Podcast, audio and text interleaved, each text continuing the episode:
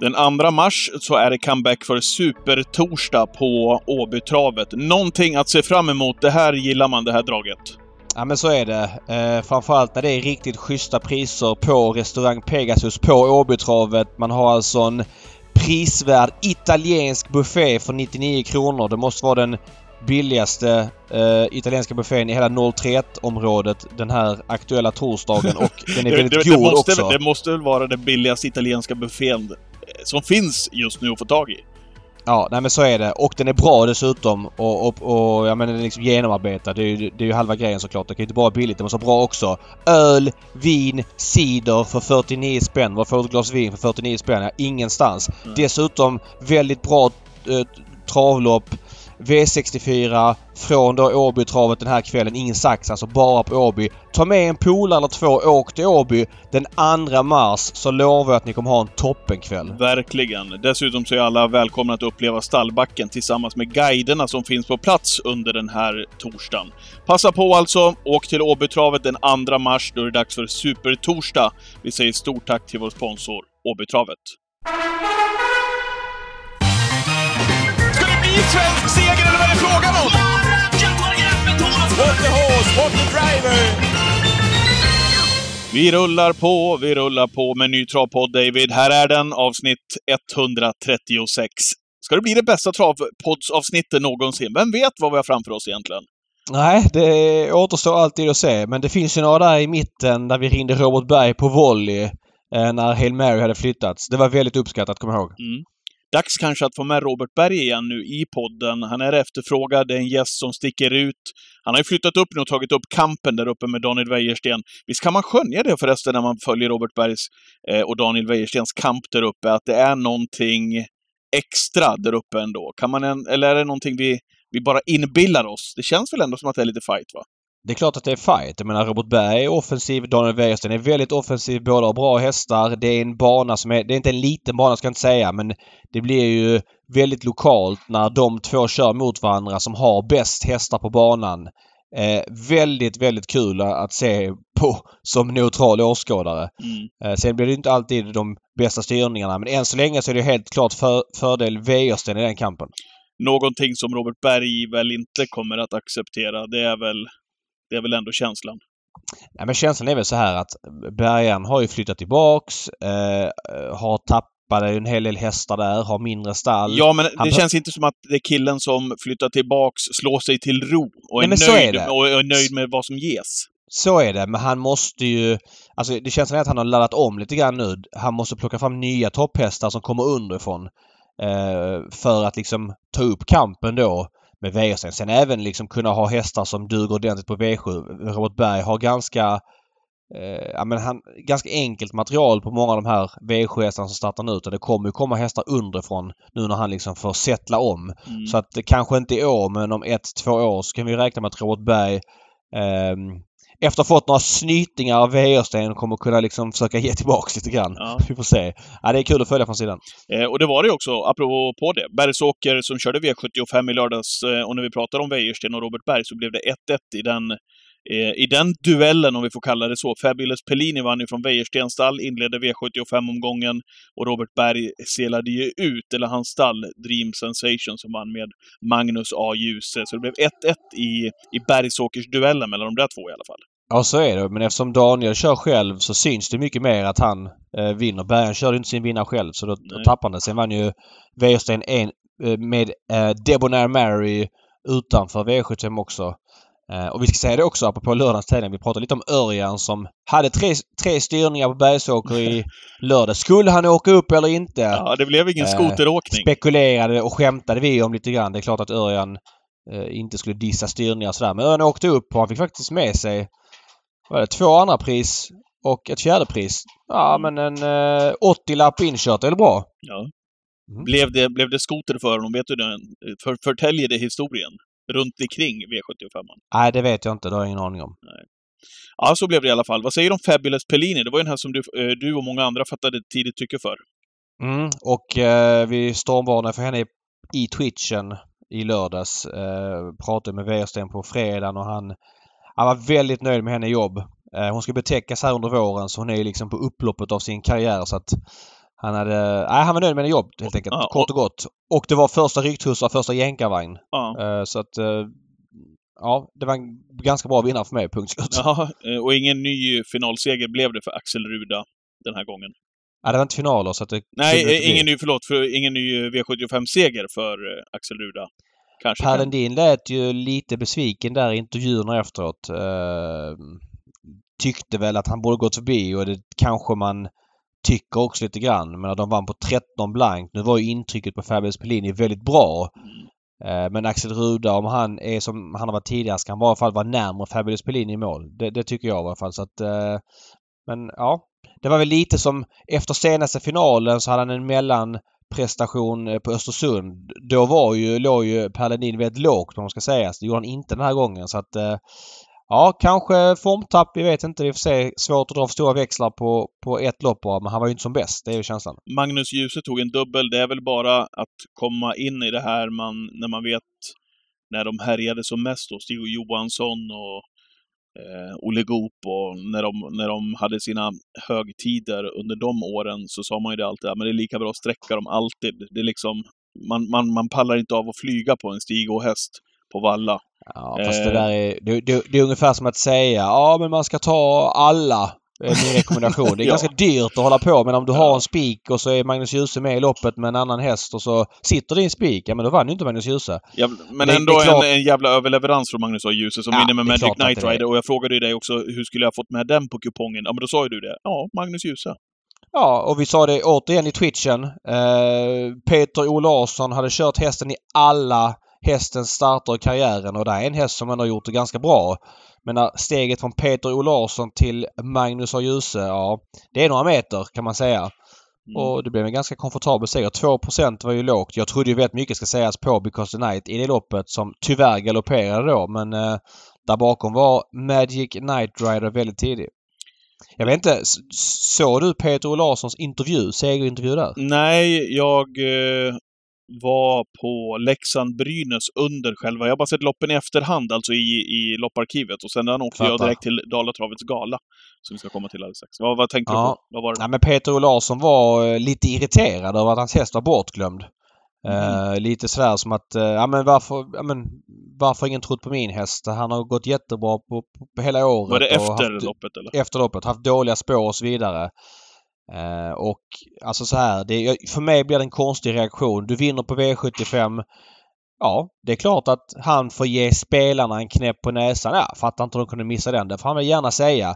Men det var nästan som att han var irriterad för att Men det är eh, inte gam- spelarna hade det är kanske inte vanligt, men det är inte helt ovanligt heller att de... Nej, det är ju inte det. Men vi som håller på eh, eh, inom travet och har hästar. Du äger häst, jag äger häst. Även de som tränar. Alltså har man inte förstått att travet bygger på mycket åsikter och spel där folk eh, väger varje häst plus och minus innan man bestämmer för man ska sträcka eller spela en häst. Har man inte förstått att ens häst synas in på bara sömmen då har man ju bommat att man, vilken bransch man är i.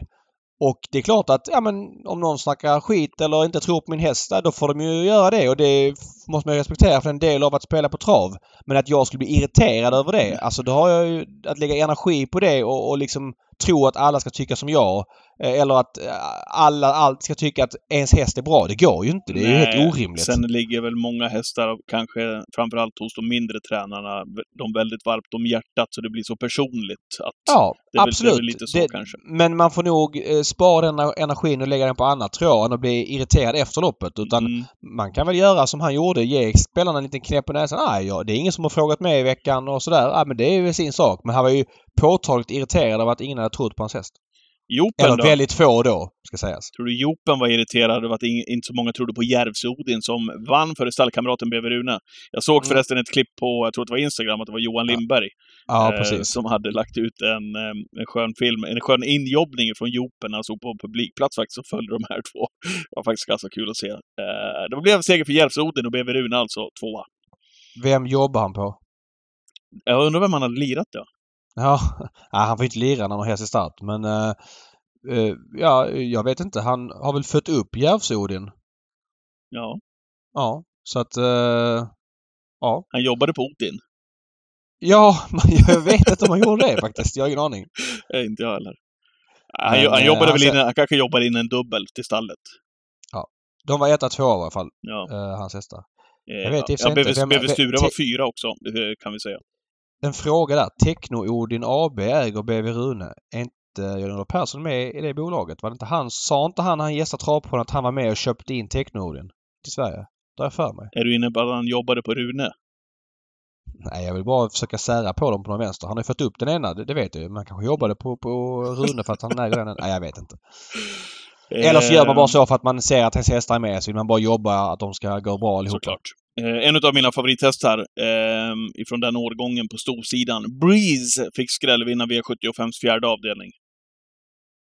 Ja, Mm. alltså med, med, med, risk för att låta som en papegoja men den pratar vi också väldigt mycket om på, på twitchen och var väldigt tidig för oss. Vi gick ju jättebra i stoeliten gången innan. Visst, det var en klen stoelit och så vidare. Nu det följde inte jag Twitchen där David, men vad kul att du säger det, för att jag vet ju också att du har lite problem ibland att ta in de här hästarna från 40, väl, säger jag. Eh, generaliserar över, det, över alla omgångar här, men eh, är det inte så att du brukar, ah, hur ska den ta 40 liksom? Står inte den liksom... Men vad kul Ja, att du det- var inne på henne. Ja, eh, jag vet faktiskt inte vad du pratar om när du säger så. Ja, men eh, hur som känslan. helst.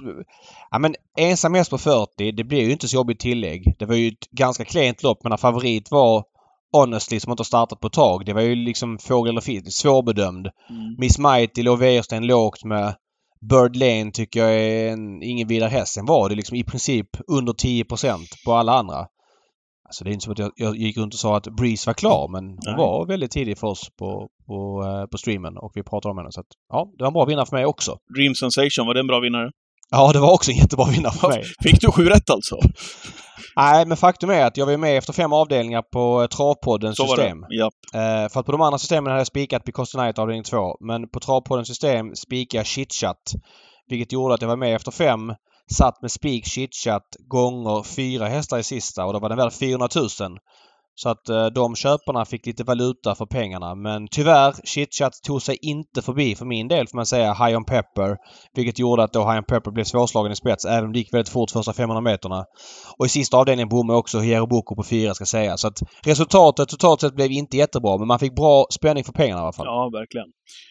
Um, High on Pepper vann. Vill du ha någonting kortis också om just Hierro Boko som vann före min spik på samtliga system faktiskt. Jag gick ju rakt ut på Ultion Face. Kan väl inte tycka heller med facit att det var helt iskallt till de procenten. Han gick ju väldigt bra, var väl förbi någon meter efter mål bara, men eh, ja, det räckte inte den här gången.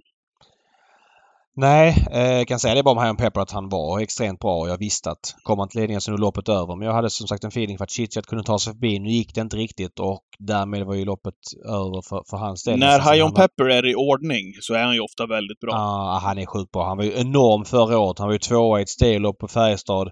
Han gick i dödens på heter nu Erik Lindegren, hästen där efter Ridley Express. Ruger. Mm.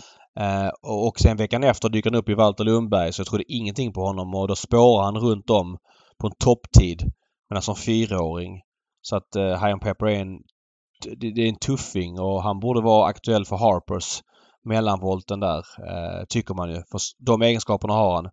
Chitchat hamnade i rygg på Reven Déjà Vu vilket gjorde att han drogs tillbaka och så smällfin ut över mål Chitchat. Han kommer hävda sig bra i brons framöver. Um, ja men vad ska man säga? Det var väl lite grann i brist på annat. Det var ingen som gjorde någonting. Han tog ledningen sen så lurpassade alla på varandra. Och det gjorde ju att uh, Mika Fors kunde rinna undan. Eh, bra var ju Ultion Fey som avslutade bra men det hade gått för långsamt. Eh, Eddie West kastade in handduken. Han pallar inte riktigt lång distans. De drar speeden ur honom. Espricito avslutade bra efter snäll resa. Där låg ju också Wäjersten lågt på förhand. Eh, Ferrari Ja. Satt i 79 par utvändigt. Avslutade bra som fyra men var helt chanslös. Hierro Boko, problemet för mig där var väl att jag hade inte sett honom ta de här kliven ändå. Eh, som han har Nej. gjort sedan han, han kom till Hannu Korpis regi. Eh, även, om, även om hästen gick bra både hos eh, Hanna Läri Korpi och Marcus Lindgren tidigare så är det ju utan tvekan så att han har petat in några ytterligare växlar.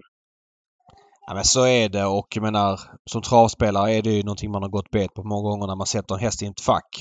Och så har man ju, och så blir de lite äldre så har man ju svårt att ta bort dem från det facket liksom. Ja men så här. Eh, men så här, Milligan School, alltså han, han gick ju många bra lopp som fyraåring. Sen var han ju lite halvkall som femåring. Sen så innan han liksom blev en elithäst igen så hade, hade jag lite svårt att liksom... Han gick bra några gånger men det var liksom alltid i skymundan satt aldrig nosen först. Den typen av hästar är ju svårt att liksom revidera att oj, det här är en bra häst helt plötsligt. Det är ingen medhängare längre för klassen. Precis. Så det där är klassiskt. Det var V75 den gav drygt 5 miljoner kronor innan det var klart. V75 som vänder hem till mig nu på, på lördag på Rom. Men vi kommer till det här alldeles strax i Ja, jag ska säga det också att det är grym underhållning i, i eh, lördags. Jag, jag, nu var jag rätt ute hyfsat i alla fall och, och var med och högg men eh, oj vad kul det är när det händer oväntade saker med V75. Jag, jag, även om man kliver av så liksom tycker jag det är så kul att följa eh, när det blir svårt och ger pengar och är liksom oförutsägbara spetsstrider och, och sådär. Mm. Eh, jag tycker det är... Nej, grymt. Det har varit så mycket bättre sista året än vad det var kanske till en femårsperiod. Det var mycket ojämnare lopp. Men den här vintern har varit bästa vintern vad jag kan minnas vad gäller jämnheten på, på loppen på V75. Nu är det andra spelformer som har mycket ojämna lopp. Men V75 har varit eh, många riktigt roliga omgångar och det här var en sådan också.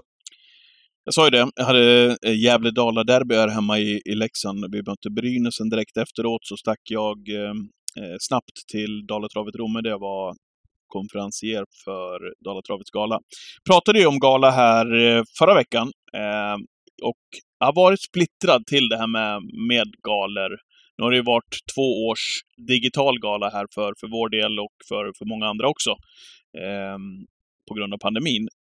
Och tänker också kanske någonstans att galorna har levt ut sin rätt, men jäklar vad trevligt det var att träffa alla. Och det man blir glad över, det är att man ser att just inom travbranschen där det kanske inte ges så många tillfällen för de aktiva, apropå att göra en, en gala just där de aktiva kan vara med också. Det måste väl ändå vara klon och syftet med det hela. Eh, att de får klä upp sig, vara lite fina. Ja, men de ser fram emot det här verkligen, märker man här lokalt. Eh, de här tränarna, kuskarna, skötarna och allt vad det är. Jäkla roligt faktiskt och en grym stämning måste jag säga. Ja, kul att du säger det. Eh, Det är väldigt viktigt med galorna. Det kan låta som du säger som att ingen bryr sig om eh, pristagarna och det, jag kan känna att det är lite sekundärt om jag ska vara ärlig vem som blir årets häst på just Romme. Men för de som håller på och de som slåss i det här så är det väldigt intressant och Mm. det är en väldig uppskattning till de som äger den hästen som blir årets häst på, på en mindre bana. Så att, ja, full respekt för det. Var det något drag då? Har du något, eh, något att berätta från galan? jag, jag sa det till, eh, till eh, arrangörerna, de som jobbar på Dalatravet, Romme, att det var så otroligt lugnt jämfört med vad det varit tidigare år. Man, man kan ju alltid känna av det här när du står på scenen, folk är där, de är förväntansfulla, de har fått några glas i sig och det är ett jävla sorl. Men det var faktiskt första gången på väldigt, väldigt många år som jag kände att det var fokus på vinnarna. Det var lugn tillställning överlag. Eh, och normalt sett när, när, eh, när eh, förrätten och varmrätten ska serveras så brukar ju kön till baren vara 30 meter lång. Nu var det, en, det var några stycken som stod där och skulle köpa in några glas. Så det var, det var lugnare än vad det brukar vara. Jag vet inte vad det kan bero på, men eh, kanske priserna. Jag vet inte. Men eh, Be, be, berätta lite grann bara. Hur många är det på sån gala? Jag har svårt att, att greppa det. eh, kan det ha varit en 200-250 personer och sånt? Eh, skulle jag uppskatta det till. Ja. Och det tycker jag är bra. Man, Är det fullsatt då eller vad liksom hur många Nej. tar? eh, eh, just på Romme så gör de ju om eh, Totohallen där nere och bygger om det som en gala, eh, ja men till en, till en, Ja. en galasal. Eh, Ja. Så att om man aldrig har varit på Romme tidigare och gått där en, en, en måndagkväll när det ekar tomt, skulle aldrig känna igen sig Nej. eh, i det här när man kommer dit på en, på en galakväll. De har byggt in det med tyg och kandelabrar Mm. och Ja men jäkla kul. mysigt. Ja men faktiskt. Och det, jag sa det till dem också när man kommer dit, vilket engagemang som man lägger ner eh, i det här. Eh, för att alla ska få det så mysigt som möjligt. Ja, det, var en, det var en härlig upplevelse och jag satt och tänkte på det när jag satt i bilen på väg hem eh, efter galan, att vad viktigt det här ändå är för, för många. Vad kostar det att gå på sån gala? Eh, 450 kronor eh, tog de på Dalatravet och då ingår alltså tre rätters med, med någon dryck till. Så att det får man väl ändå säga är prisvärt för en trerätters. Jag vet inte vart du äter en bra trerätters för 450 spänn. Ink, ink Nej. något glas nu för tiden. Och jag tycker ju... Och dessutom får, sagt- får underhållning och hela den här biten. Ja, jag tycker ju att... Eh, banorna. Jag tycker det ska vara service för de som håller på inom travet.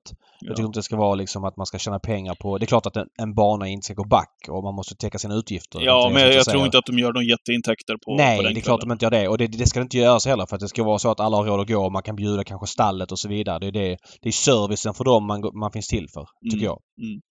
Ja, vad kul att se. Eh, Många glada vinnare. Kommer till det om en, en liten stund i podden, tänkte jag. Eh, du, eh, Mm. det är inte bara när jag är i New York som, som du får sköta intervjuerna själv. Du har fått göra den här gången också. Tackar för det Mm. förresten. Eh, ska du Ja. berätta lite grann om vinkeln? Ja, eh, jag pratade tidigare med Emily Arning och eh, hon, det kom ju förra året, kom, eller förra, förra veckan kom ju nyheten att kriterieaktionen som har hållits, ja den har hållits på lite olika ställen, men framförallt på Solvalla sista åren, den kommer flytta. Eh, kriterien nästa år den är ju framflyttad till mitten på oktober. Man byter plats med SM-helgen. Och eh, eh, eh, Eskilstuna kommer få en V75-dag. Nu är min son här och han ska... Eh, Mitt, mitt i påan här Mitt också. i påan här. Bruno, du får gå iväg och bygg, bygg lite med legot igen så ska jag bara göra påan klart. Så, så kommer pappa strax, okej? Greta Gris eh, funkar. Ja, då har du Greta Gris på TVn, precis. Jo, eh, man ska köra kriterieaktionen på Sundbyholm i mitten på september eh, nästa år när man kör en eh, V75 dag på Sundbyholm. Och det kommer då vara som jag förstått det torsdag, fredag, lördag men då är det V75-tävlingar på lördagen. Det gjorde då att eh, Emily Arning som har Sweden International Yearing Sale heter bolaget som har haft då Ja. eh, aktionen under jubileumspokalen och även Åby Yearling Sales som då har legat under SM. Att hon fyller tillsammans med Solvalla då, fyller tum, tumrummet då och skapar en ny aktion som kommer ligga eh, på kriteriehelgen. Och ja men lite om det. Det blir väldigt många aktioner. Eh, hur tänker man runt det? Vad blir resultatet? Hur jobbar hon? Det snackade vi om tidigare. Är du nöjd med den här påan? Ja, sådär. Vad tycker du? Skitbra. Här kommer intervjun. Jag ska luta mig tillbaka och lyssna. Välkommen till Travpodden Emelie Arning. Tack så jättemycket. Hur är läget? Det är jättebra, tack. Hur är Du, själv? jo, det är bra tack. Det är bra. Du sitter nere i Spanien och Ja. upplever inte slasket vi just nu har i Stockholm. Nej, jag hoppar det. Du hoppar det. Ja. Hur är det? Du bor eh, i Spanien och har gjort ett par år. Eh, visst är det så? Ja, men vi pendlar lite. Vi, vi jobbar ju i Sverige och bor i Sverige också, men så går våra barn i skolan här nere. Precis, för din man Johan Arning som också är väldigt involverad inom travsporten. Han syns ju ofta som expert i Discoverys kanaler. Precis, så han är ju mer i Sverige än vad han är här. Jag fattar. Men vi pendlar lite grann och det funkar helt okej. Det funkar helt okej. Mm. Ja. Eh, du är ju inom travet känd för att driva eh, några av landets mest populära aktioner. Bland annat då det som förr var Venngarn-aktionen som sen hette Sweden International Yearing Sale va? Ja, Solvalla Gällingsale i alla fall. Solvalla Yearing Sale. Det kanske har bytt Mm. namn, jag vet inte. Eh, Ja, men, Företaget heter Sweden International Gällingsale. ah, okej, så är det. Aktionerna blir ju efter vart de ligger. Precis. Och den avgörs dagen innan eh, jubileumspokalen, har gjort hittills. Ja. Men nu förra veckan kom det lite nyheter på auktionshimlen. Eh, kriterieaktionen väljer då att flytta sin aktion, det är Trottex som är arrangör av den, till eh, en V75-helg på Sundbyholm i mitten på november. Och du tar över kriterieaktionens plats. Är det tillsammans med Solvalla eller egen regi? Ja, men det vi samarbetar med Solvalla. Ja. Det gör vi. Och det var väldigt viktigt. Det var de som kontaktade oss och ville ha en aktion den här helgen i och med att de andra flyttar. De vill eh, bygga travet lite nytt kring kriteriet och den här Ja. unghästhelgen. Och tycker att det passar bra in då. Ja, för kriterien är numera fredag med lunchtävlingar och man kör en av årets bästa travdagar på lördagen.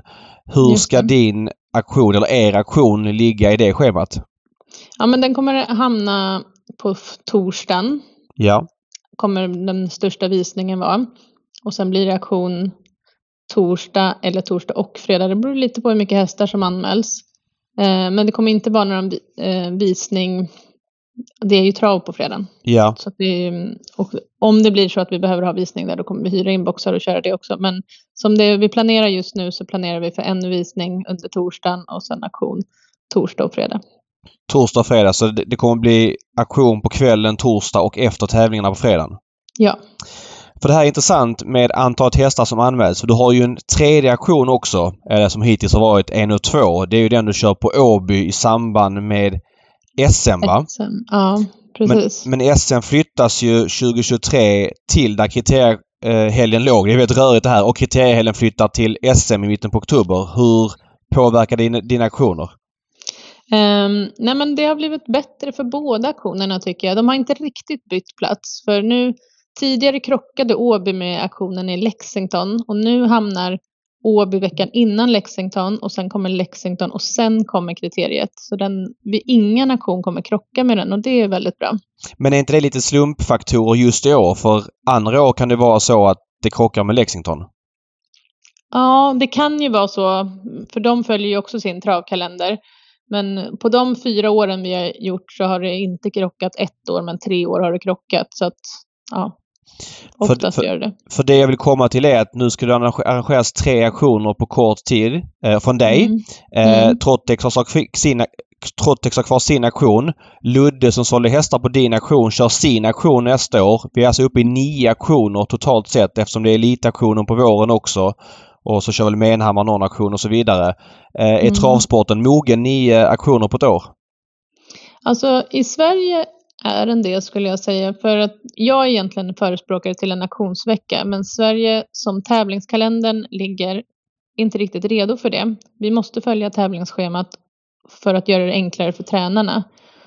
Och då blir det lättare för dem. Jag har pratat med flera tränare och de tycker att det blir lite mäckigt när det, när det är tre dagar auktion ligger någonstans och det inte är i anslutning till trav. Det är svårt för dem att tacka nej till tävlingar.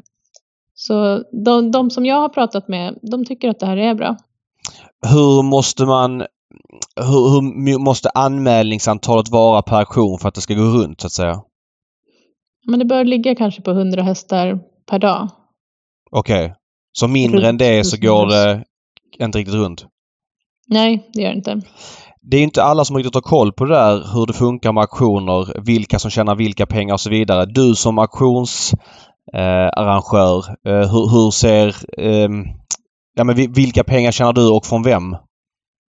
Alltså vi tar ju provisioner av köparna och vi tar en anmälningsavgift av säljarna. Men sen gör vi väldigt mycket saker. Vi lägger enormt mycket tid på vår katalog och vi köper mycket saker runt omkring så. Så att det är inte så att alla pengar som kommer in är någon typ av vinst. Men, ehm, men det är så, så är det upplagt. Så ser kostnadsfördelningen ut i alla fall. Varje auktion har ju... Det är ju ljus och ljud och det är konferencierer och det är kataloger som ska tryckas. Skulle det inte finnas Mm. en synergi att slå ihop eh, några av dina tre auktioner till två? Jo, kanske i framtiden, men vi, vi ser inte. Det är svårt nog som det är nu för att vi krockar ju med andra tävlingsdagar. Och det är inte riktigt superoptimalt. Så att just som tävlingsschemat ligger idag så ser inte jag hur vi skulle kunna göra det. Däremot finns det andra synergier som man kan lägga ihop med aktionerna. Till exempel vad? Till exempel nu kommer det bara vara två veckor mellan aktionen på Åby och Solvalla så det kommer bli en katalog. Okej, så du gör en katalog med båda auktionerna helt enkelt? Ja. Det är ju, låter ju positivt. Eh, hur ser man lite grann på eh, eh auktionsarrangörskonkurrensen? Konkurrens är ofta bra. Hur, hur ser du på att ni är nio stycken auktioner eh, 2023 inom travet? Men jag tycker att eh, konkurrens är bra. Det får oss att bli bättre och det får nog andra att bli bättre också. Sen är det inte riktigt nio aktioner i år. För Menhammar räknar du, det är ju en uppfödare som har en egen aktion och de har också en mixaktion som jag såg hade räknats i någon sån där. Men ja, Hur många blir det med ettåringar? ja men Menhammar har en alternativ två. Har de två, så, så att, ja men säg att det är sju då. Okej, sju auktioner. Mm. Men eh, på det låter det lite grann som att man testar det här 2023 så man ser hur man gör till nästa år, eller? Nej, vi, ja, ja det, så här ska jag säga. Ja, allting beror på hur mycket hästar som anmäls. Och just nu så är det väl lite, det som är rörligt är väl hur många dagar varje aktion blir. Okej. Och jag ser det som positivt om ingen aktion behöver vara mer än två dagar. Eh, du har, eller för varför tycker du det är positivt? Därför att då det blir för stora krockar med tävlingskalendern om vi går upp på tre dagar. Nu har du ju dina auktioner i samband med stortrav. Det är jubileumspokalen dagen innan då. Eh, det är i samband med kriteriehelgen och då eh, Åbys SM-dag.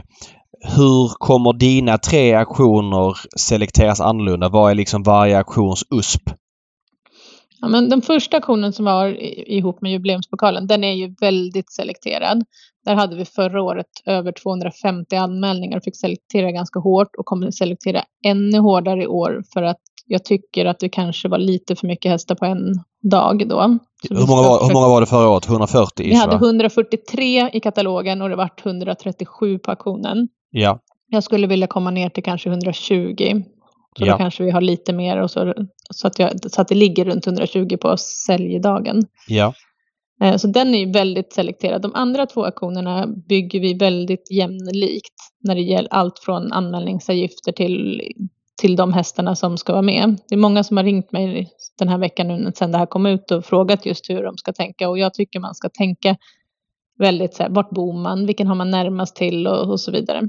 Det skiljer bara två veckor mellan dem så det är inte så att liksom, de stora hästarna ska på en och de mindre ska på en utan mera vart man bor och vad, vad som passar en rent liksom, logistiskt och praktiskt. Så där ser inte du det som ett problem om till exempel ett par stora aktörer som köper mycket häst och de säger så här vi kan bara besikta hästarna till en auktion. Det är någonting som du räknar med att det blir så?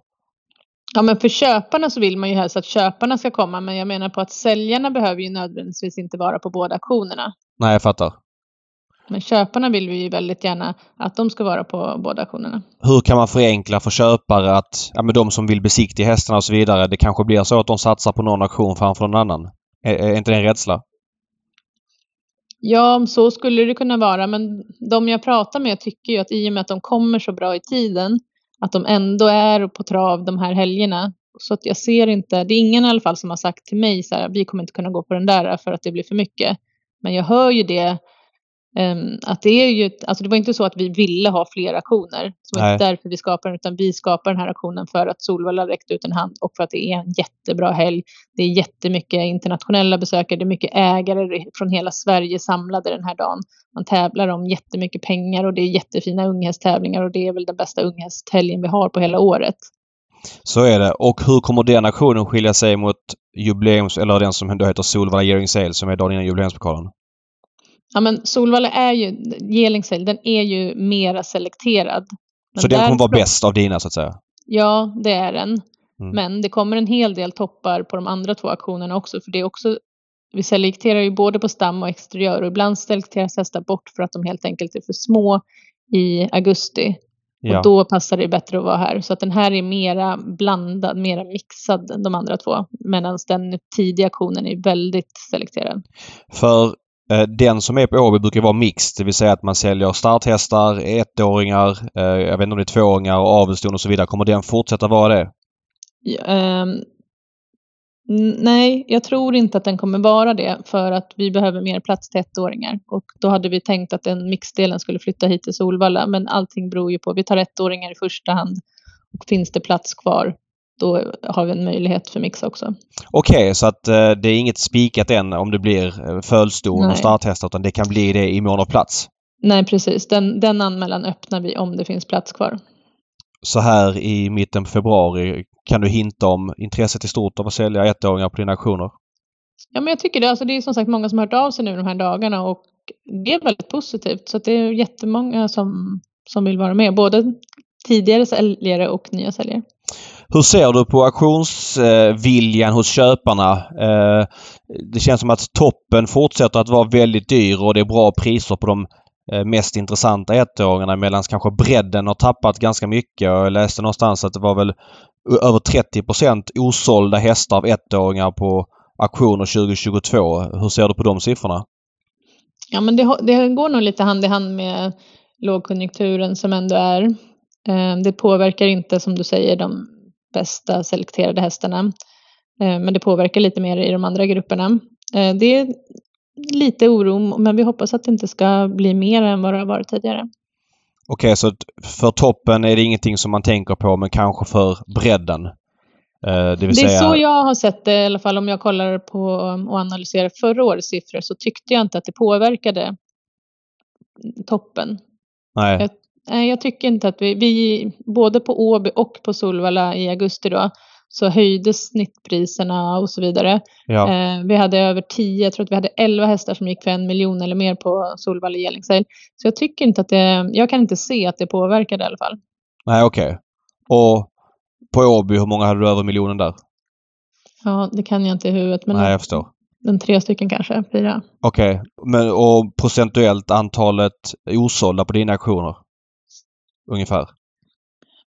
Nej, men det är ju några, på Solvalla har vi inga, inte så många osålda, jag tror kanske att vi hade en. Oj. Men på Åby så är det några till. Okej. Så att du ligger klart lägre än la- landets snitt totalt sett? Ja, Om du, I alla fall den första auktionen gör det. Jag fattar. Men den andra är också ganska bra. Ja. Men Derby har ju olika utropspriser, så vi sätter ju 50 000 utropspris på den tidiga auktionen, där som är lite mer selekterad. Och sen har vi ett lägre utropspris för att just inte ha allt för mycket eh, osålda hästar på den andra auktionen. Hur kommer det sig att du började jobba med auktioner och så vidare? För visst var det, är det den som var på Venngarn först som sen nu blev Solvalla International Ja, Hearing Sales. Hur började du med det ja, här? men så är det. Nej, men jag är uppfödare i grunden och jag har väl hållit på med hästar i hela mitt liv, så det var väl naturligt så. Mm. Jag jobbade tillsammans med Olle Larsson som föder upp Sisyfoshästarna. Vi jobbade tillsammans på, på Venngarn och var Mm. med och gjorde den platsen när den var ny. Och vi ville ha hästaktioner där. Vi ville ju hitta olika verksamheter som skulle vara där. Så jag försökte helt enkelt att få andra att ha auktioner där från början. Men när jag inte riktigt fick något gehör från någon så bestämde jag mig för att göra en egen auktion. Okej, och vad hände med Olles del av auktionen? Tappade han intresset eller bröt det loss eller hur, hur gör man? Nej, nej det, utan han är ju byggare och behövde väl liksom centrera sin verksamhet. Så Okej. det var ett gemensamt beslut att jag, jag ville fortsätta och han ville koncentrera sig och fokusera på nya projekt. Okej, och sen så allierade du dig med Solvalla och hittat ett koncept som känns bra? Ja, att det kom till Solvalla det var i pandemin. Ja. Vi fick inte vara på Venngarn. Vi försökte få tillstånd där först men det gick inte för att det skulle vara ja, massa regler om att det skulle vara inhägnat och vi skulle kolla vilka, vi var tvungna att göra om det till en arbetsplats. Vi var tvungna att stå och ha lister, personallister på alla som gick in och så vidare. Så att vi fick inte tillstånd att vara på Venngarn. Då flyttade vi till Solvalla och det var väldigt stort. Alltså alla uppfödare var väldigt nöjda med det. Så därför har vi låtit det lägga kvar. Okej, så man kan säga att den slumpen gjorde att kanske Mm. konceptet utvecklades ännu mer? Ja, så, Så att, så att, och den här kriterieaktionen du kommer köra som då, he- förlåt vad heter den nu? Jag blandar ihop namnen på dem. Solvalla kriterium säg. Solvalla kriterium Sale, kommer den påminna eh, ganska mycket om den som är i augusti sett till att du fyller kongressen med folk eller ska det ropas Ja. någon annanstans ifrån? Nej, på så sätt kommer den vara väldigt lik. Det kommer kanske vara lite kallare utomhus än vad det är i augusti. Ja, Men annars kommer den vara ganska lik okej, okej. Så att, eh, ja men det tycker jag är jättekul som det som Stockholmsbo och som eh, auktionsbesök att man gör det lite mer publikt. Jag tror det är kul för många som kanske inte ska... Alltså, det är väl er vilja att ni vill ha såklart kö potentiella köpare där men för folk att se de här eventen. Det var en väldigt trevlig kväll på Solvalla eh, förra året i augusti med en smockfull kongress. Det var ju nästan bättre stämning där än vad det var en tävlingskväll. Eh, ja, med undantag kanske för Elitloppshelgen då men det känns ju väldigt lyckat och att man kan samla så mycket folk runt ett travevent känns ju som att du har lyckats väldigt bra med. Ja, men tack. Men det är lite det vi försöker med också. Och det blir väldigt trevligt för det är inte så många tillfällen inom travet då vi alla ses. Och auktionerna är ju ett av få sådana tillfällen när uppfödare och tränare och, och många är på plats samtidigt. Så det är, det är väldigt, det, det blir trevligt. Eh, om vi tittar lite i, ehm, framåt här. Nu är det 2023. Hur tror du att det här kommer utveckla sig mm, fyra, fem, sex år framåt i tiden? Kommer vi ha så här många auktioner eller tror du att man kanske kommer samarbeta tillsammans för att få synergier i det? Hur ser du på den biten? Ja, men vi försöker ju föra en dialog med Svensk Travsport hela tiden och vi kommer fortsätta göra det. Och det är klart att om det finns möjlighet att göra större luckor i tävlingsschemat eller anpassa det så att det funkar att ha flera auktionsdagar på rad så vore det optimalt. För visst är det så att Trottex eh, som är arrangör av det som tidigare var kriterieaktionen det är väl ett utav delen av Svensk Travsport? Så att säga. De går under Svensk Travsports paraply. Ja, de är ju en basförening, Precis. precis som... Ja, Ja, banorna och så vidare. Hur Mm. funkar det som, för dig som extern aktör att föra en dialog med Svensk Travsport när de själva har en basförening som är arrangör av en konkurrerande aktion om man får säga så? Ja, jag tycker att det funkar bra. Det är ingen där som har sagt något annat. Alltså det här gör vi ju för uppfödarna, för, alltså för tränarna, för alla i branschen. Så att eh, jag har inte sett, stött på några problem just för att jag är jag eller så. Nej. Jag tänker om du har, eh, jag ska inte säga, du är ju ett externt bolag. Jag vet inte hur Trottex Mm. vinstintresse ser ut men du, du upplever inte att det är liksom en konkurrens på det sättet när du vill få gehör från Svensk Travsport? Nej, det gör jag inte. Och jag tycker också att kanske alla auktionsbolag skulle samarbeta lite mer. Jag och Ludde till exempel, vi pratar av och till och pratar om idéer och hur man kan göra och ser inte alls varandra som konkurrenter på det sättet. Utan byter istället erfarenheter och, och hjälper varandra. Är du besviken på honom för att han kör egen auktion och, och han hade ju ett par väldigt fina hästar på din auktion förra året som jag gissar att han säljer själv då 2023? Jag hade gärna sett att han stannade men vi hjälpte ju honom för att han hade ju, det brann ju på hans gård. Så att där han brukar ha sin auktion, Okej, eh, så, den lokalen hade ju brunnit ner. okej, så det var en engångsgrej bara helt enkelt? Ja, han, han är väldigt välkommen tillbaka om han skulle vilja. Men absolut. När Det- skulle, det- när, när skulle han ha sin auktion? Var det Det brukar derbyhelgen? vara ihop med derbyt, va? Derbyhelgen. Okej, okej. Eh, bara en sista fråga där som jag förstår. Mm. Kriteriehelgen torsdag och fredag då eventuellt. Det är inte helt spikat om det blir eh, antingen eller. För att spontant så låter det som att att gå på trav på fredagen, det vet bara tävlingar och sen stanna kvar till auktionen låter ju som en höjdare men det kanske inte fungerar ihop med att det är starthästar på banan som då liksom snor boxplatser från dig. Nej men precis, men vi tittar också på att ställa upp då mobila boxar. Men det är, jag tycker bättre om att använda riktiga boxar. Så arbetstänket just nu är att ha visning för alla hästar på torsdagen och auktion torsdag och fredag.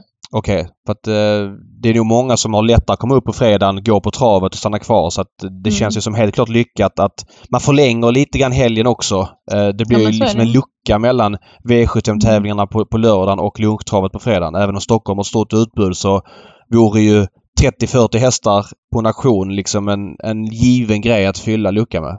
Ja men precis. Nej men kan vi få till så att vi har visningen bara på torsdagen så är det ju jätteroligt att ha auktionen på fredagen. Mm. Men det, det, finns, det här har ju kommit upp nu, det är nytt och vi planerar hela tiden. Jag har ett arbetsmöte med Solvalla eh, nästa vecka och då kommer vi ta det vidare. Jag förstår. Alla detaljer ska sättas, men just nu är det bara lite olika idéer hit och dit. Ja. Ja men jättespännande Emily. Eh, kul att höra. Spännande koncept och det är ju marknaden som styr hur många auktioner det ska vara. Det är ju inte någon person som enskilt säger att det ska vara sju eller nio stycken utan det är ju liksom aktörerna. Och märker man att det inte funkar så får man ju anpassa det efter kostymen framöver. Exakt så är det. Toppen! Ha en bra dag nere i Spanien och hoppas vi ses på Solvalla snart. Det gör vi. Ha Okej, det så bra. ha det bra. Hej hej! Tack. hej, hej. Ja, härligt. Emily Arnäng där alltså. Kul att lyssna till er David. Vad, vad landar du in i när du har pratat med Emily? Vad tar du med dig framför allt? Nej men så här alltså det är klart att eh, man kan känna spontant att som potentiell köpare så blir det väldigt många auktioner att välja mellan och man får väl välja den som man tycker passar ens plånbok bäst. Vissa är ju nischade mot bättre hästar och sämre hästar. Känns ju inte optimalt att det blir så många olika auktioner. Å andra sidan, auktioner som är över tre dagar och många hästar, det gör ju att flera potentiella köpare försvinner. Och det här är inget resultat av att det är någon som har tagit ett beslut. Men nästa år ska jag ha nio auktioner. Utan det är marknaden som styr. Det finns eh, den här marknadsteckningen, eller teckningen tror man i år. Därför kör då Emily i sitt fall tre auktioner och, och vissa andra auktioner kommer finnas. Det är möjligt som vi sa då att ja, men några slås ihop eller några slås ut och så vidare. Men det får ju bli de som är bäst. De som gör ett bäst jobb med kunderna och så där folk köper häst och där folk vill sälja häst. De kommer liksom ja, men leva vidare. Där folk får bäst villkor helt enkelt. Det kan ju vara en sån grej som att någon auktion tar si och så mycket för att sälja en häst medan en annan tar lite mindre. Ja, då kommer det kanske bli fördelen mindre i det avseendet. Men någon annan kanske har bättre service med trevligare fest runt om. Ja, då är det fördel den auktionen. Och en tredje har den provisionen på köparen medan den har ja, en annan provision. Så det är ju sådana grejer som spelar roll och det blir ju konkurrensen är bra för, för hela marknaden. Så att, eh, ja, spännande att följa hur det Är du blir. sugen att köpa någon ettåring i år David? Eh, jag vet inte riktigt. Kanske inte en ettåring för jag har ju redan en ettåring. Mm. Eh, och jag vill inte ha en till för att då blir det väldigt lång tid som startar utan eh, men samtidigt att köpa tvååringar tycker jag är väldigt svårt för att Mm. ofta är det så att ska du köpa en tvååring av en tränare så är tränaren kört hästen eller känt på hästen eller någon vänster och det finns ju någonting att säga som jag inte kan bedöma. Ungefär som att gå och köpa en bil men den som säljer bilen har kört den men du får inte provköra den innan. Jag kan inte bedöma någonting. Och Alltså jag vill ju kunna köpa, ha köpa lotten att kunna ha en häst som är med i liksom de stora loppen. och för att jag ska kunna få så stor del av en sån häst som möjligt så måste jag chansa att köpa den tidigt. När ingen liksom vet någonting. Uh, så att, uh, jag har ingen plan på det men uh, allt är osvuret och hittar man något kul koncept och någon bra häst och hos någon bra tränare så jag lyssnar jag alltid. Ja. Du då?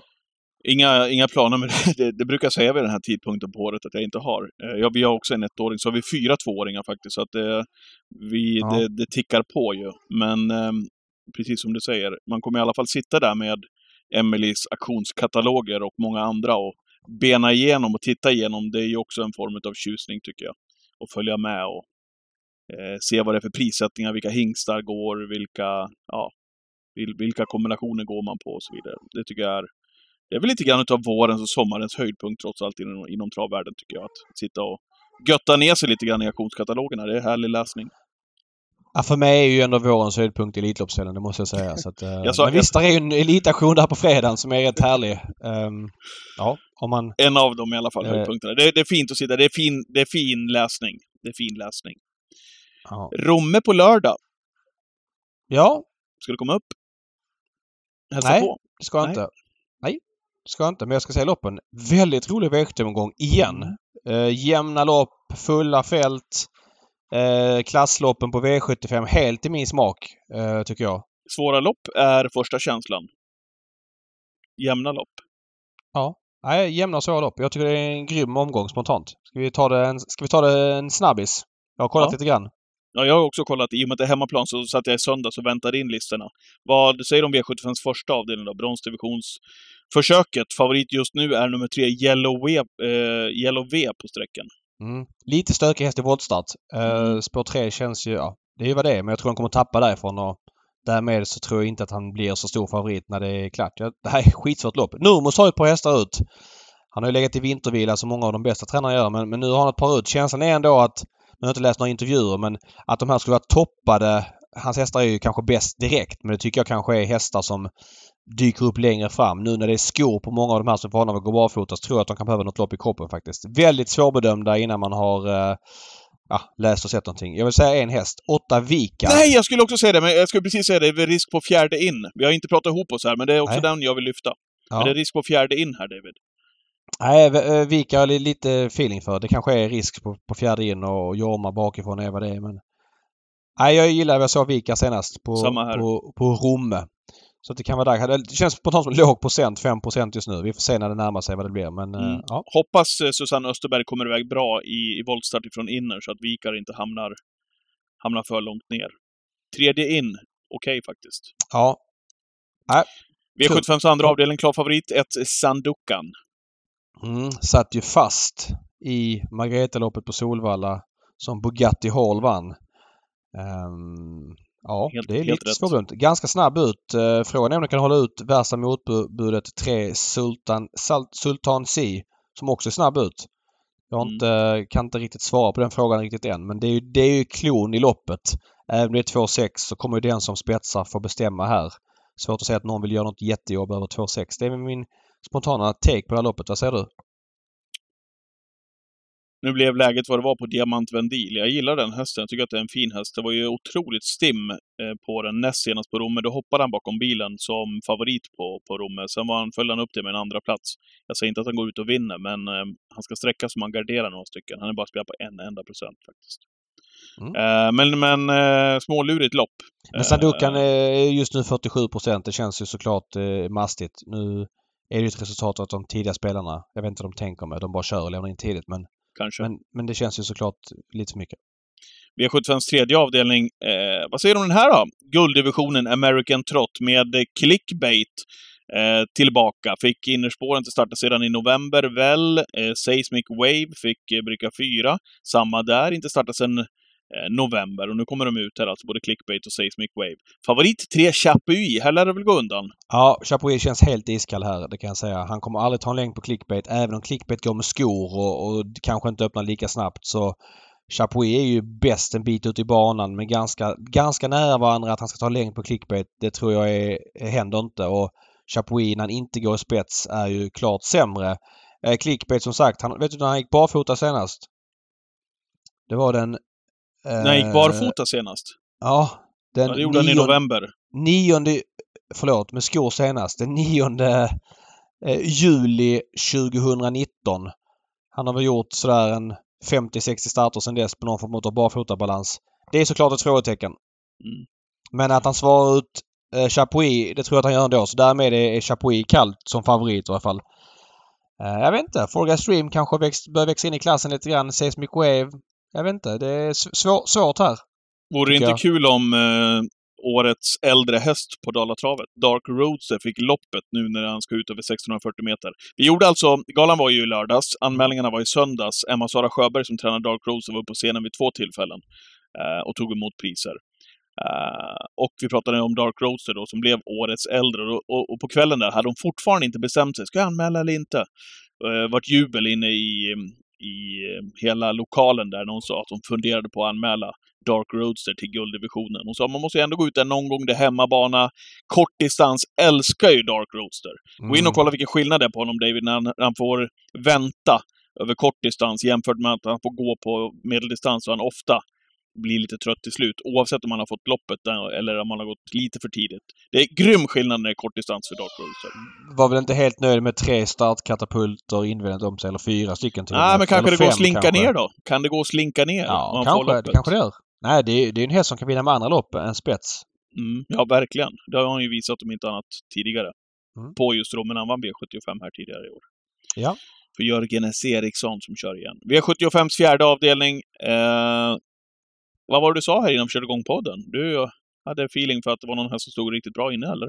Ja, men alltså Buskablyg startade ju i lördag så det var ju mycket tuffare hästar. Bland annat stod han ju samma start, det var ju autostart som Technojärven en gången. Det stod han 20 meter före.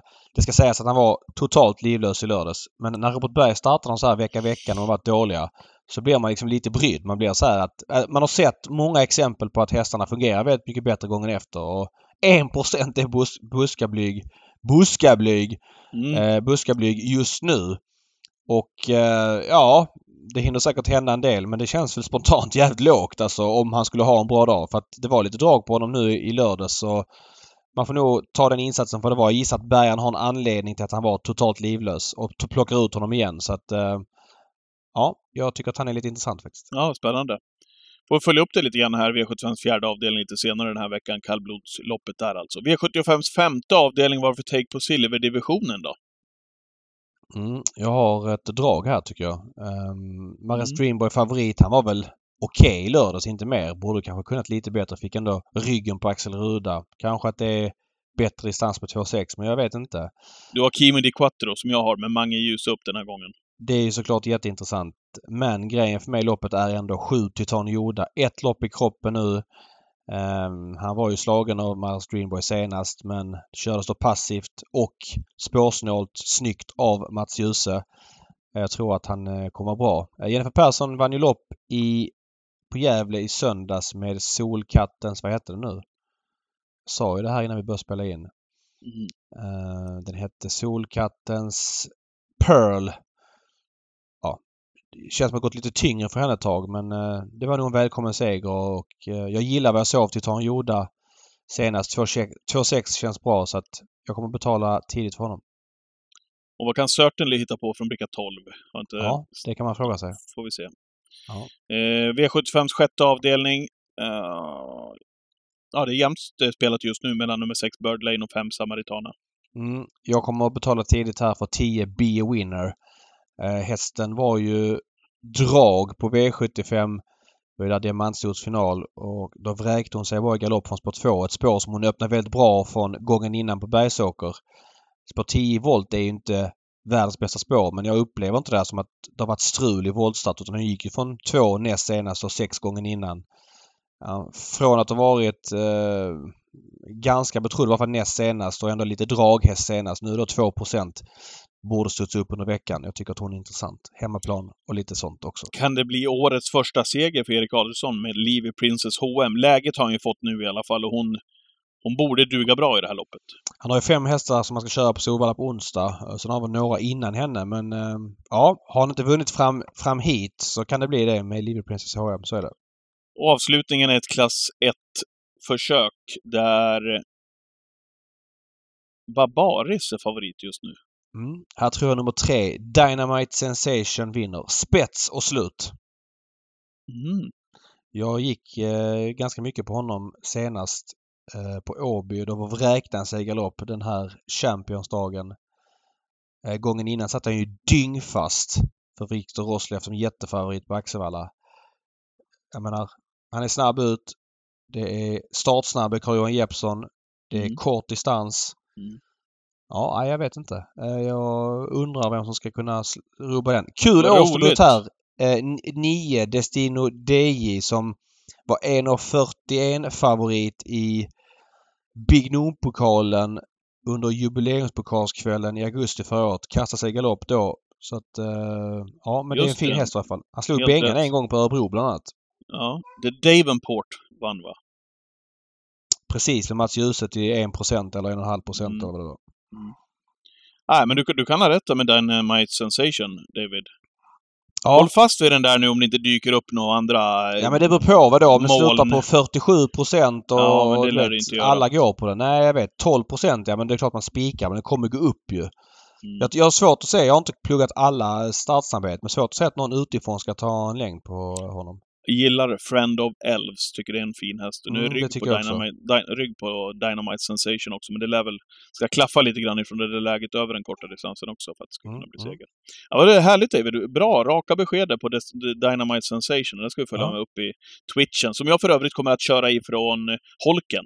Det är väldigt populärt bland folk när du reffar ett lopp och sen så dyker du upp i, i chatten igen och så vidare. Det tycker folk är skitkul. Ja.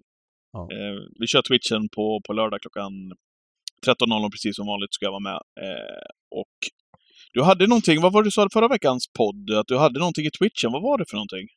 Ja, det var ju att... Eh, lång story kort. Oliver som jag körde med skulle då ut på stan för förra veckan. Det var den lördagen och eh, den lördagen så var det teateruppsättningen Peter Pan hade någon show där i Karlstad och han skulle ut på stan och då sa han i Twitchen att han skulle möta upp Pernilla Wahlgren och några till på O'Learys efteråt. Och jag Okej. bara okej, varför skulle Pernilla Wahlgren gå ut på stan eh, i Karlstad efter det här? och inte åka hem till Stockholm för det första. Sen för det andra, om hon går ut, gå på O'Learys och för det tredje möta upp dig och dina polare. Alltså det blev väldigt många. Men han sa att någon i hans gäng kände henne men klockan två på natten damp det upp en bild på, eh, i mobilen när han satt med Pernilla Wahlgren. Ja, kul. Ja. Eh, ja, men det är du och jag som kör på, på lördag i alla fall. Ja. Eh, när det gäller Twitchen. 13.00 alltså. Hoppas ni är med då. Har ni inte varit med eh, tidigare på Twitchen och tycker att vi pratar väldigt mycket om det här så är det så enkelt att man bara laddar ner den appen. Eh, Twitch om inte annat. Men man kan ju också gå in på nätet om man, om man känner för det. Hur Ja. gör man då för att söka upp oss David om man vill Ja, vara man med skriver nu? bara The Gambling Cabin i sökfältet. Kort och gott. Ja, så är det. Häng med på lördag. Eh, då kör vi Twitch 13.00.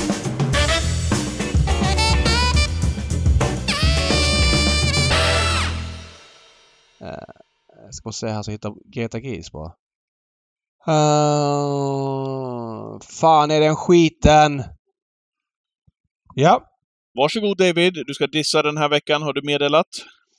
jag ska göra det. Eh, Det var ju Ja. jackpot i uh, söndags på Grand Slam 75. Jag puffade för det förra veckans eh, podd. Jag missade Solkattens Pearl på ganska många hästar så det var jättedåligt av mig. Det tar jag på mig men det är inte det jag ska dissa. Eh, Det var väldigt låg klass på loppen överlag. Eh, Tyckte det var liksom en jämn sörja men det var ändå lite skiktat visade det sig. Eh, men där är väldigt många kuskar i de här loppen som kommer med en sån här dag när det inte är fulla fält. Och eh, de kuskarna och amatörerna som i många fall är, det de är jätteviktiga för travet ju. och Man måste ta det här för vad det är men när man kör en häst som, eller hästar som liksom inte har presterat någonting på evigheter, alltid oplacerade eh, och, och liksom, eller överlag presterat dåligt eller står i 70 gånger pengarna. Det är förvånansvärt många av de här som är kåta på att sitta i andra spår. De, liksom, de kan inte gå ner på innerspår. De tror De, liksom de att vill de... ge hästen chansen väl? Ja, men det är just det de inte gör. gör. Genom att gå ut, ligga i andra spår så är man bara i vägen. Man ger inte hästen chansen. Hästen springer fyra meter längre per kurva. Det blir bara pannkaka av hela grejen. Eh, Så att jag tycker det är liksom tråkigt. Ett, exempel ska jag ge utan att den här kusken specifikt då är sämre än någon annan. Men Marcus Bergström som körde utelek Eh, i Grand Slam 75 2, en häst som har varit åtta som bäst sista 14 starterna. Har varit oplacerad fem starter i rad. Och vi pratar alltså 150 meter efter första häst ett par lopp i rad och då har det varit lopp med 10 000 till vinnaren. Så man förstår liksom att okej, okay, ute på Grand Slam 75 man tänker hästen står i 79 gånger pengarna. Och, och Marcus har flera gånger till, alltså läge att gå ner på innerspår. Kan gå ner i 50 inner. Men hamnar sist utvändigt. Okej, okay, tänker man. Men nu går han väl ner på innerspår. Nej, då ligger han kvar i andra spår hela vägen. Trots att han kan gå ner på innerspår. Och 800 kvar börjar han dra i, hästen och Du får hästen... väl ha det med i beräkningen att det är många som vill testa sina chanser och tro mycket Ja, på sina hästar och, Och- inte lika påläst som du är kanske. Nej men påläst, alltså spelmässigt är det inget problem för mig. Jag tar hänsyn till det här och koll på läget. Men jag tycker för egen del om de vill ha med sig några pengar hem. Men äh, generellt sett, var inte så kåta på andra spår. Försök gå ner på innerspår och hoppas att det löser sig. Ett exempel på det. Vid Grand Slam 75 6. Eh, Oskar Kjellin Blomberg vet osäker på nyförvärvet Denarius som han hade. Ja, han gick ner invändigt. Kunde gått ut, gick ner men eh, som, som så ofta över lång distans så är det många hästar i andra spår som blir trötta. Någon galopperar och så vips blir det lucka. Så blir det ofta i de loppen. Eh, där är skillnaden på, på proffsen och eh, amatörerna. Det finns en charm såklart i att alla jag inte kör perfekt. det. Är det inte charmigt Jo, David? men det är det. Det är en charm i det. Men inte om man kör en häst som har varit 150 meter efter felfri häst i eh, de här breddloppen. Då är det inte en charm om man inte kan förstå att man ska gå ner på innerspår. Tycker jag. Okej, eh, jag hissar ja. Mm. Och för att återknyta till Dalatravets gala, har också sett glimtar ifrån andra lokala galor som eh, travbanorna kör. Så eh, vill jag slå ett slag för eh, alla banor som kör sina lokala galor. Fortsätt med det. Lägg ner det engagemang som eh, ni gör eh, för att piffa till de här galorna. Jag tror att de betyder mycket mer än vad ja, men du och jag kan tro, David, och säkert många med oss. Ehm, och det märktes på många som jag intervjuade i lördags. Jag varit faktiskt tagen några gånger själv och berörd för man såg på hur mycket det betydde för många utav de som kom upp och fick ta emot priser. Till exempel eh, David Nylander som har Deleni till start nu på, på V75 på lördag. Eh, kom upp och fick ta emot pris. Det brast totalt för att ja, men allt jobb han lägger ner, hur mycket hästarna betyder för honom. Hade svårt att få fram orden. En större tränare som Joakim Elving, exakt samma sak. Fick avbryta intervjun nästan ja, men två, tre gånger och låta Joakim hämta sig för att han var så tagen av stundens allvar. Han tog med sig hela sitt team upp på scenen som fick stå bakom. Och det är klart, eh, det är så mycket annat, som, eh, så mycket som sker under ett helt år för de här travtränarna, skötarna, som inte, som inte vi ser. Vi ser ju när hästarna kommer ut på, på tävlingsovalen och vi ser dem när de står i ATG Live och blir intervjuade. Men det ligger ju så mycket jobb bakom där som vi inte ens kan fantisera om, tror jag. Och när man då får de här priserna så, så märker man hur, hur mycket det betyder för många i den här branschen. Så att Ja. alla banor som eh, lägger ner sig, gör galor, fortsätt med det, lägg ner engagemang, gör tillställningarna trevlig, eh, bjud in ägare, skötare och så vidare.